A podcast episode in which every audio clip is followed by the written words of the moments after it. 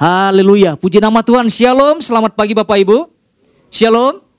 Apa kabarnya Bapak Ibu? Wah, wow, luar biasa ya. Saya percaya keadaan kita semuanya baik. Ya, karena anugerah Tuhan oh, boleh menyertai setiap kita. Katakan amin Bapak Ibu. Hari ini kita akan belajar bersama-sama Bapak Ibu. Kita akan menangkap apa yang menjadi pesan Tuhan khususnya dalam minggu ini ya Bapak Ibu ya. Pesannya adalah ketika jiwa mengalami tekanan. Wow. Ini menarik sekali Bapak Ibu ya. Ketika jiwa mengalami apa? Tekanan. Pertanyaan buat setiap kita gini Bapak Ibu. Seberapa kita sedang mengalami tekanan? Yang pernah mengalami tekanan? Cuma sedikit Bapak Ibu ya. Termasuk saya. Ternyata semua ya kita ngalamin dia. Ya. Rasanya tidak enak ketika kita sedang mengalami situasi yang tidak enak di dalam kehidupan setiap kita. Betul ya Bapak Ibu ya. Rasanya tidak enak. Kalau dalam keadaan tertekan, mungkin dalam keadaan yang tidak membaik kondisi kehidupan setiap kita.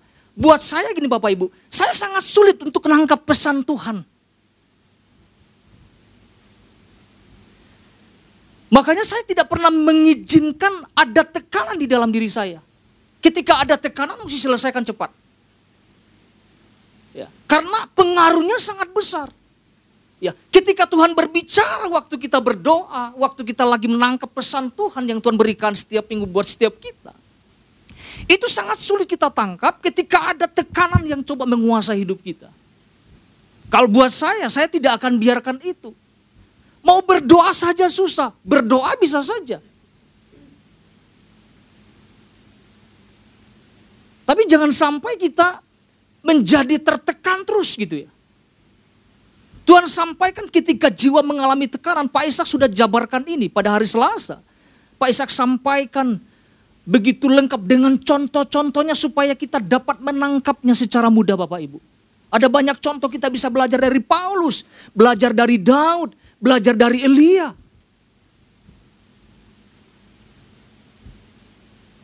Ya, pertanyaan selanjutnya apa yang harus kita lakukan? Apa yang kita lakukan ketika sedang mengalami tekanan? Aduh di komsel Bapak Ibu ya dari banyak jawaban Bapak Ibu. Wah rame sekali. Ya secara terbuka kita ngomong ada yang ya pelariannya merokok. Ketika dalam tekanan. Pertanyaannya apakah itu solusi? Belum ya? Bukan ya? Ketika dalam tekanan, ada orang pelariannya ke minuman keras. Ke tempat-tempat sesuatu yang tidak benar. Ada orang-orang juga kalau lagi tekanan sepeda-sepedaan Bapak Ibu bisa sampai 6 jam, 7 jam.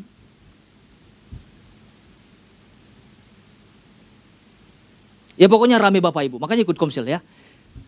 Rame karena kita memang harus terbuka. Dulu saya kalau lagi tertekan Bapak Ibu ya minum-minum Bapak Ibu. Ada saksinya matanya rekan saya di sini Michael. Larinya nggak jauh-jauh dari itu. Tapi sekarang Bapak Ibu ketika kita mengerti firman Tuhan ketika dalam keadaan tertekan. Cari Tuhan Pak, cari Tuhan Bu. Lari di hadirat Tuhan. Artinya jangan sampai salah. Jangan sampai salah melangkah Bapak Ibu. Tekanan itu selalu pasti ada dalam kehidupan setiap kita. Betul ya Bapak Ibu ya? Setuju ya? Bahkan baru bangun tekanan sudah ada. Betul ya? Tapi tergantung cara pandang kita. Ini, ini jauh lebih penting Bapak Ibu ya.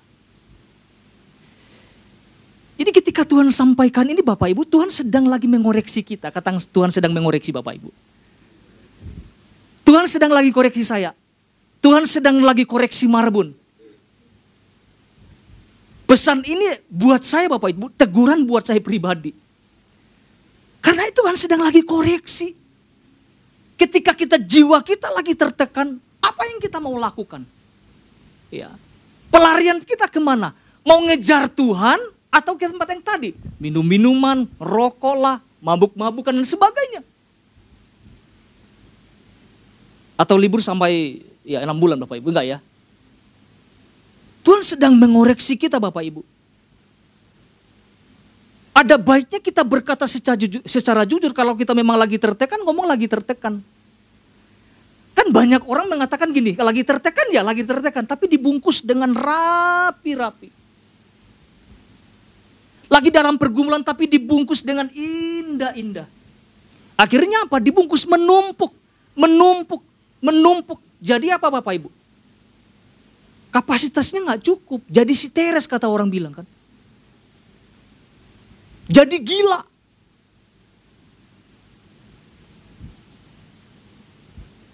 Bapak Ibu pernah ketemu sama orang kayak gini lagi lagi tertekan? Ah, gua mati aja lah. Gua gua lebih baik bunuh diri. Gua lebih baik menjauh dari keluarga saya. Pernah dengar seperti itu? Oh, saya pernah dengar Bapak Ibu.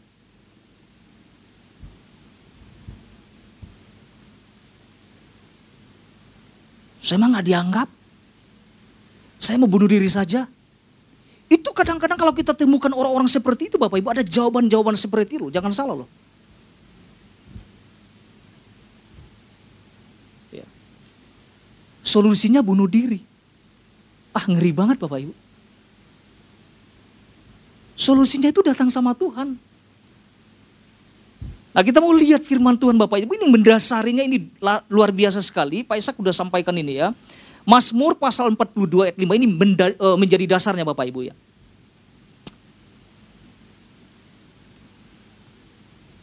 Puji Tuhan ada di depan Bapak ya.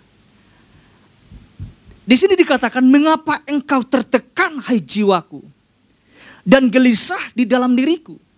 Berharaplah kepada Allah sebab aku akan bersyukur lagi kepadanya penolongku dan dan Allahku.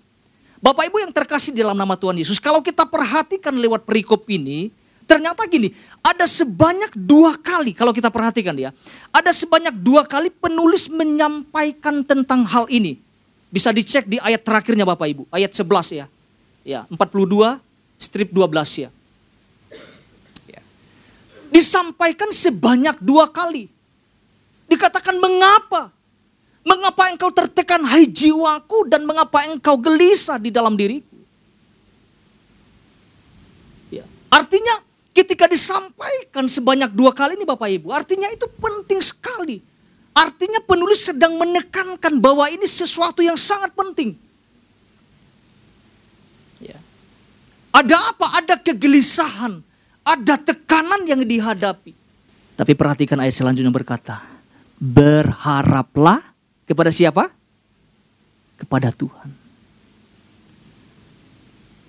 Berharaplah kepada sang sumber pertolongan itu di dalam nama Yesus Kristus. Jangan berharap kepada orang lain Bapak Ibu.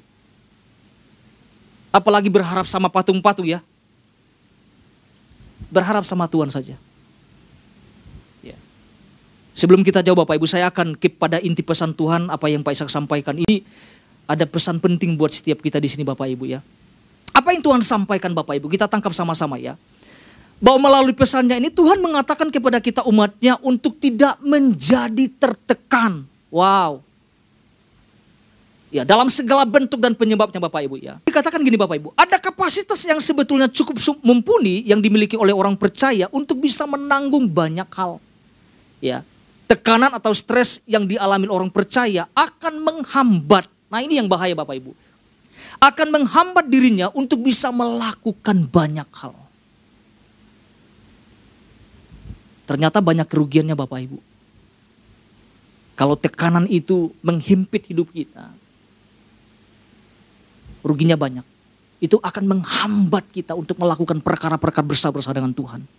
Itu jangan sampai terjadi dalam kehidupan setiap kita. Dua hal yang disampaikan Pak Ishak secara cepat saya sampaikan Bapak Ibu.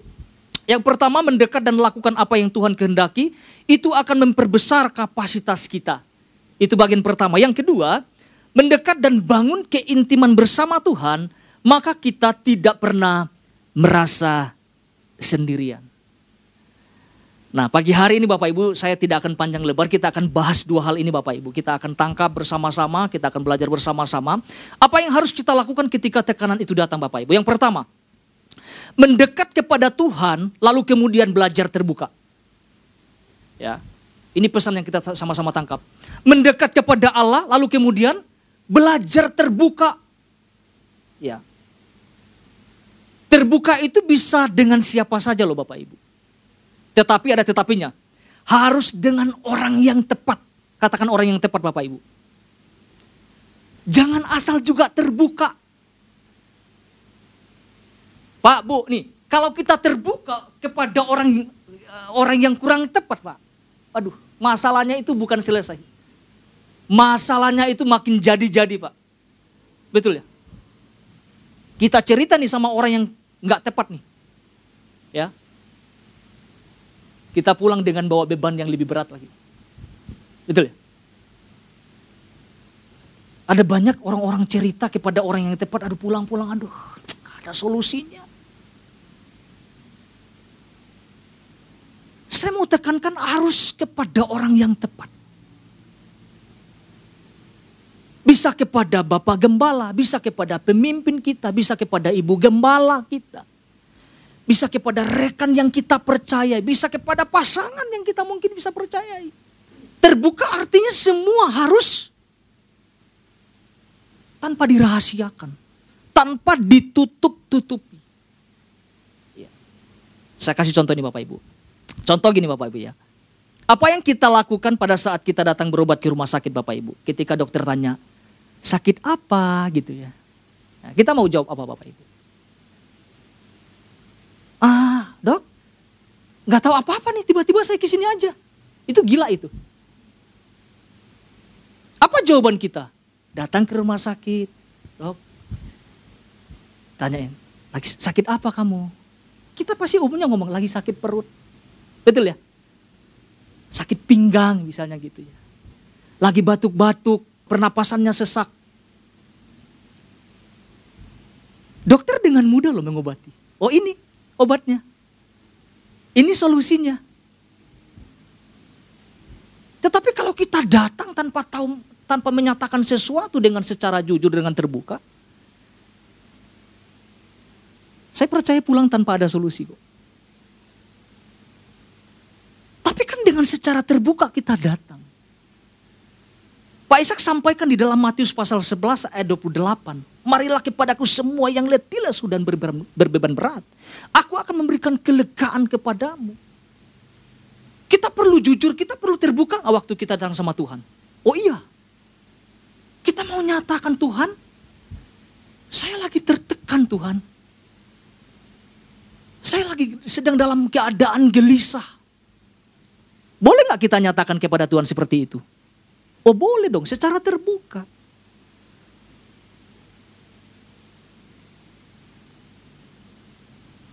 Pasti ada solusinya.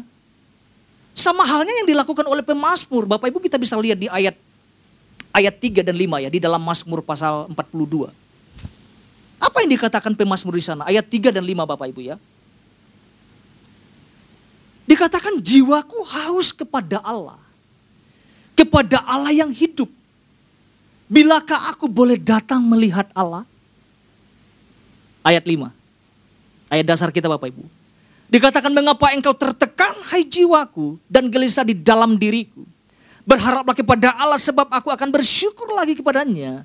Penolongku dan Allahku. Kita bisa melihat ada keterbukaan di sini. Ada kejujuran dari dasar hati yang paling dalam. Di ayat 3 dikatakan, aku haus. Ya kalau haus ngomong haus. Kalau sakit bilang sakit. Aku merindukan. Aku mau melekat kepada Allah. Kita bisa melihat ada sikap hati yang jujur, mau mengakui bahwa keadaannya memang lagi tidak baik-baik. Ada kegelisahan yang coba apa namanya? menekan. Ada kegelisahan yang coba menguasai hidup sang pemazmur ini, Bani Kora Bapak.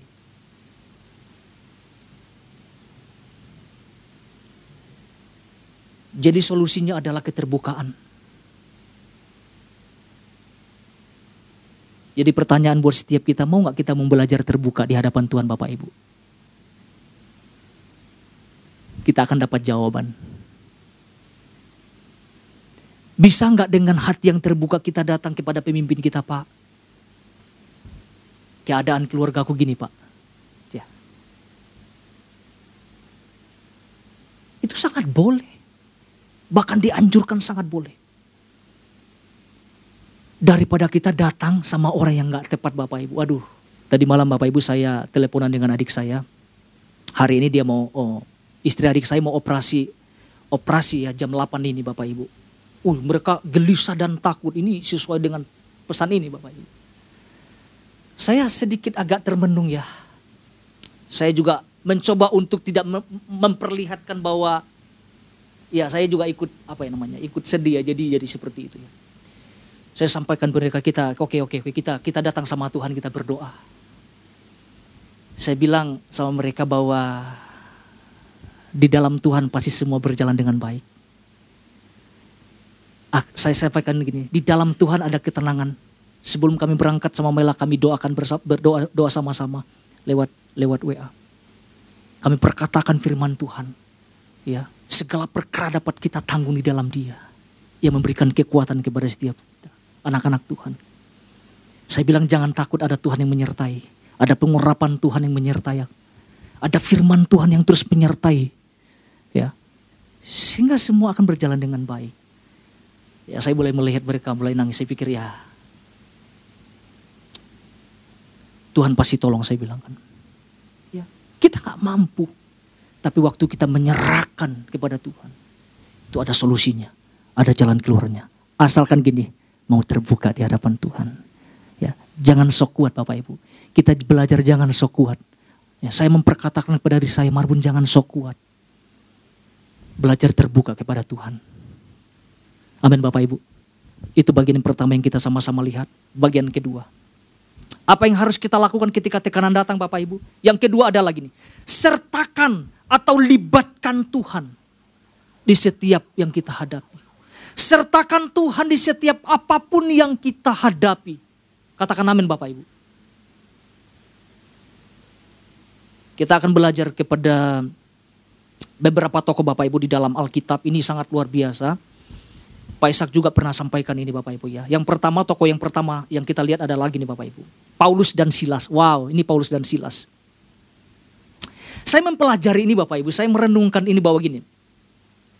Mereka hidup di tengah tekanan yang begitu berat ya, namun tidak tertekan. Saya ulangi Bapak Ibu ya. Mereka hidup di tengah tekan, uh, di tengah-tengah tekanan yang berat, namun tidak tertekan. Gimana maksudnya ini? Mereka hidup di tengah-tengah tekanan, tapi tidak tertekan gitu. Karena saya mempelajari Bapak Ibu gini, tertekan itu ternyata pilihan loh. Ini mesti pelan-pelan. Tertekan itu ternyata pilihan. Tergantung cara pandang loh. Saya kasih contoh Bapak Ibu. Kita pernah belajar tentang 12 pengintai. Masalah yang mereka hadapi sama nggak Bapak Ibu? Sama ya? Sama ya? 10 pengintai Pak. Tertekan. Betul ya? Tertekan kita akan habis. Kita akan ditelan habis. Kita akan kalah. Sedangkan yang dua mengatakan gini, kita akan telan mereka habis. Kembalikan ya. Oh dua pribadi ini biasa-biasa saja. Tekanannya ada, masalahnya sama yang mereka hadapi, tetapi beda yang keluarnya. Betul ya? ya kita bisa nangkap ya Bapak ya. Tekanannya begitu berat, tetapi tidak tertekan loh. Saya mempelajari Bapak Ibu di dalam kehidupan setiap kita anak-anak Tuhan. Ada yang model seperti itu, ada yang model 10 pengintai, ada yang model dua pengintai. Melihat masalah yang sama, ya. tapi keluarnya berbeda. Nah, kita kembali kepada Silas Bapak Ibu. Kita lihat firman Tuhan. Kisah para Rasul pasal 16 ayat 23 sampai 25. Kita mau lihat di tengah-tengah tekanan, tetapi mereka tidak tertekan gitu ya. Kisah para Rasul pasal 16 ayat 23 sampai 25. Dikatakan seperti ini Bapak Ibu. Setelah mereka berkali-kali didera, mereka dilemparkan ke dalam apa Bapak Ibu? Ke dalam penjara. Ini nggak ada AC-nya loh Bapak Ibu. Ya betul ya. Bukan saya penjara-penjara koruptor ya. Ada AC-nya Bapak Ibu. ya ini nggak ada AC-nya ya. ya. Kepala penjara diperintahkan untuk menjaga mereka dengan apa? Dengan biasa-biasa Alkitab katakan dengan sungguh-sungguh. Ayat 24. sesuai dengan perintah itu kepala penjara memasukkan mereka ke ruang penjara yang paling tengah dan membelenggu kaki mereka dalam pasungan yang kuat, bukan dari uh, tali rapia Bapak Ibu ya. Ini yang kuat, ini saya saya membayangkan itu betapa menderitanya Paulus dan Silas. Ayat 25. Tetapi kira-kira tengah malam, nah ini, ini, ini yang saya mutakan karena Bapak Ibu. Paulus dan Silas aha, berdoa dan menyanyikan apa? Puji-pujian kepada Allah dan orang-orang hukum lain mendengarkan mereka. Apa yang kita lihat berdasarkan ayat ini Bapak Ibu? Dalam keadaan tekanan, mereka tidak tertekan Bapak Ibu. Betul? Dipasung Pak Bu. Dimasukkan penjara paling dalam Pak. Yang gelap.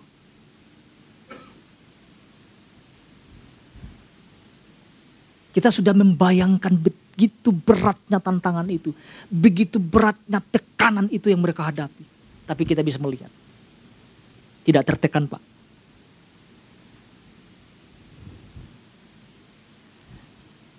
Kenapa tidak tertekan? Ada Tuhan yang terlibat di dalamnya. Ada puji-pujian yang dinaikkan. Ada doa yang dinaikkan. Itu yang harus kita lakukan. Jadi di tengah-tengah di tengah-tengah tekanan yang ada Paulus dan Silas tidak tertekan Bapak Ibu. Nah kita mau belajar rahasia ini Bapak Ibu. Rahasianya sederhana. Anda datang aja sama Tuhan, naikkan puji-pujian. Pasti ada kekuatan yang baru Tuhan nyatakan Bapak Ibu. Amin Bapak Ibu ya. Paulus bukan lagi nangis-nangis dalam kesedihan Bapak Ibu. Bayangkan semua orang yang ada di sekitar itu mendengar mereka sedang lagi memuji Tuhan.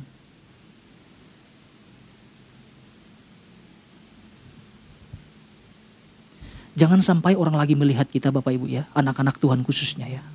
Dalam keadaan mungkin stres, tertekan, jiwa kita sedang lagi gelisah Bapak Ibu. Orang lihat kita, aduh si Marbun lagi hebat ya lagi ngerokok dia sekarang pasti selesai masalahnya. Biarkan orang-orang di sekitar kita melihat keadaan ketika tertekan datang, tekanan datang Bapak Ibu. Mereka sedang melihat kita sedang berdoa dan memuji Tuhan. Saya mempelajari tentang kehidupan Rasul Paulus Bapak Ibu. Begitu beratnya. Tapi kita bisa melihat. Tidak tertekan tuh. Kehadiran Tuhan Bapak Ibu. Yang membuat Paulus dan Silas itu kuat untuk menghadapi segala tantangan yang ada. Dan saya percaya setiap kita cakap menghadapi setiap perkara yang kita hadapi bersama dengan Tuhan. Sertakan Tuhan Bapak Ibu. Kita belajar kepada pribadi Paulus dan Silas. Contoh yang kedua Bapak Ibu ya. Atau toko Alkitab yang kedua. Kita akan lihat Bapak Ibu, kita akan belajar dari pribadi Musa. Ini yang terakhir Bapak Ibu ya. Ini saya juga melihat pergumulan Musa Bapak Ibu ya. Membawa orang-orang Israel yang penurut Bapak Ibu. Betul ya? Penurut ya Bapak Ibu ya. Alkitab katakan tegar tengkuk loh Bapak Ibu. Kita nanti kita akan lihat firman Tuhannya Bapak Ibu. Ketika saya diingatkan tentang Musa, saya lihat iya ya. Bisa gila loh Musa Bapak Ibu menghadapi, membawa umat-umat Tuhan yang penuh dengan ketaatan Bapak Ibu. Kepala batu Alkitab katakan seperti itu. Nah kita mau lihat firman Tuhannya Bapak Ibu supaya kita lihat ya. Keluaran pasal 33 ayat 1, ayat 2, ayat 3 dan kita akan lompat ayat 15 Bapak Ibu. Kita akan baca pelan-pelan Bapak Ibu. Keluaran 33. Oh puji Tuhan. Ayat pertama mengatakan gini Bapak Ibu. Berfirmanlah Tuhan kepada Musa, pergilah. Berjalanlah dari sini, engkau dan bangsa itu yang telah kau pimpin keluar dari tanah Mesir. Ke negeri yang telah kujanjikan dengan sumpah kepada Abraham, Ishak dan Yakub demikian. Kepada keturunan mula akan kuberikan negeri negeri itu. Ayat 2. Aku akan mengutus seorang malaikat berjalan di depanmu dan akan menghalau orang Kanaan, orang Amori, orang Het, orang Feris, orang Hewi, dan orang Yebus. Ayat 3. Yakni ke suatu negeri yang berlimpah-limpah susu dan madu. Perhatikan ayat ini Bapak Ibu. Sebab aku tidak akan berjalan di tengah-tengahmu. Karena engkau ini bangsa yang apa? bangsa yang tegar tengkuk supaya aku jangan membinasakan engkau di jalan. Kita lihat ayat 15 lompat Bapak Ibu. Ya. Berkatalah Musa kepadanya. Ini pun penting yang saya mau sampaikan. Jika engkau sendiri tidak membimbing kami, janganlah suruh kami berangkat dari sini. Kenapa Musa menyatakan ini Bapak Ibu? Tuhan aja udah angkat tangan kok.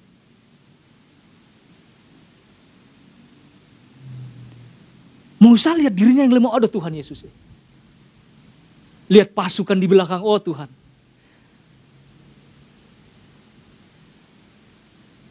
Musa udah mempertimbangkan semuanya. Kalau tanpa Tuhan yang menyertainya, perjalanan ini akan gagal. Musa itu manusia biasa pak. Musa itu manusia yang ya punya kelemahan. Setiap kita bisa tertekan. Pemimpin bisa tertekan Bapak Ibu ketika lihat pasukan di belakangnya. Waduh kepala batu, oh Tuhan Yesus. Tapi nggak semuanya Bapak. Tapi apa yang saya lihat di sini adalah gini, Musa diperintahkan untuk membawa bangsa ini ke tanah perjanjian. Tapi Tuhan bilang, saya tidak akan ikut ya. Aku tidak akan menyertai ya. Musa ngotot. Ayat 15 mengatakan Tuhan. Jika engkau sendiri tidak membimbing kami, jangan suruh kami berjalan. Tekanan itu bisa dalam diri dalam diri Musa itu sendiri, tekanan itu bisa dari luar. Musa mempertimbangkan semua itu. Makanya Musa kalau Tuhan gak bimbing, kalau Tuhan gak sertai kami gak jalan. Makanya di poin yang kedua saya katakan sertakan Tuhan Pak. Sertakan Tuhan di dalam setiap, mungkin apa pun yang kita hadapi dalam kehidupan ini Bapak Ibu.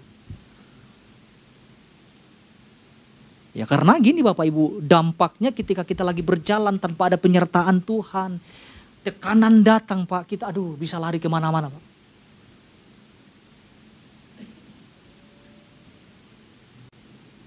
Makanya banyak orang-orang percaya juga masih nggak jelas ketika ada tekanan tuh nggak jelas Bapak Ibu. Ya kalau kalau di kampung kami Bapak Ibu ya duh kalau kalau ada masalah dalam keluarga itu datang sama nenek moyang Bapak Ibu, minta-minta kekuatan. Itu saya tegas berbicara sama adik-adik saya yang di rumah. Saya bilang itu itu kita udah hapus itu ya, nggak ada di situ. Tapi masih berlangsung sampai saat ini Bapak Ibu.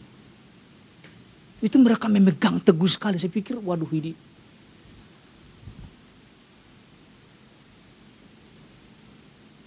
Kalau kalau ngomong tentang Kristen Bapak, dari lahir Pak. Sebelum lahir pun jadi Kristen Pak. Saya juga sebelum lahir sudah jadi Kristen. Tapi budaya di kampung, keluarga besar kami Pak. Waduh, kalau ke gereja, waduh itu betul. Wah, jas, panas-panas pakai jas. Ya. Saya sedikit agak ngotot, saya pernah cerita sama Maila, kalau kan nanti saya bawa kamu ke Mentawai, kamu harus siap-siap, saya bilang kan. Kita akan dia siap-siap kayak ditolak, berasa gitu ya. Ya karena semua digantung pak. Di rumah tuh digantung ini dari opa, aduh segala macam pak. Aduh, udah turunin saya bilang kan. Itu udah nggak nggak berkenan saya. Cari Tuhan, sertai, sertakan Tuhan dalam setiap perjalanan kita. Kalau Tuhan menyertai kita Bapak, kalau Tuhan terlibat di dalam semua kehidupan kita, kita akan keluar menjadi pemenangnya Pak. Ada firman Tuhan berkata di dalam Roma pasal Roma pasal 8 ayat 37. Ini ayat terakhir Bapak Ibu ya. Tetapi dalam semua itu kita lebih daripada orang-orang yang menang. Katakan amin Bapak Ibu. Terjemahan lamanya dikatakan ini tetapi di dalam segala perkara dikatakan. Itu kita sangat menang. Oh, saya suka kalimat ini Bapak Ibu. Dalam segala perkara kita menang Bapak Ibu. Karena apa? Ada Tuhan yang terlibat di dalam kehidupan setiap kita. Jadi dua hal ini yang sama-sama kita tangkap. Yang pertama mendekat kepada Tuhan lalu kemudian belajar terbuka. Ya, yang kedua adalah sertakan atau libatkan Tuhan di setiap apa pun yang kita hadapi. Tuhan Yesus memberkati setiap kita.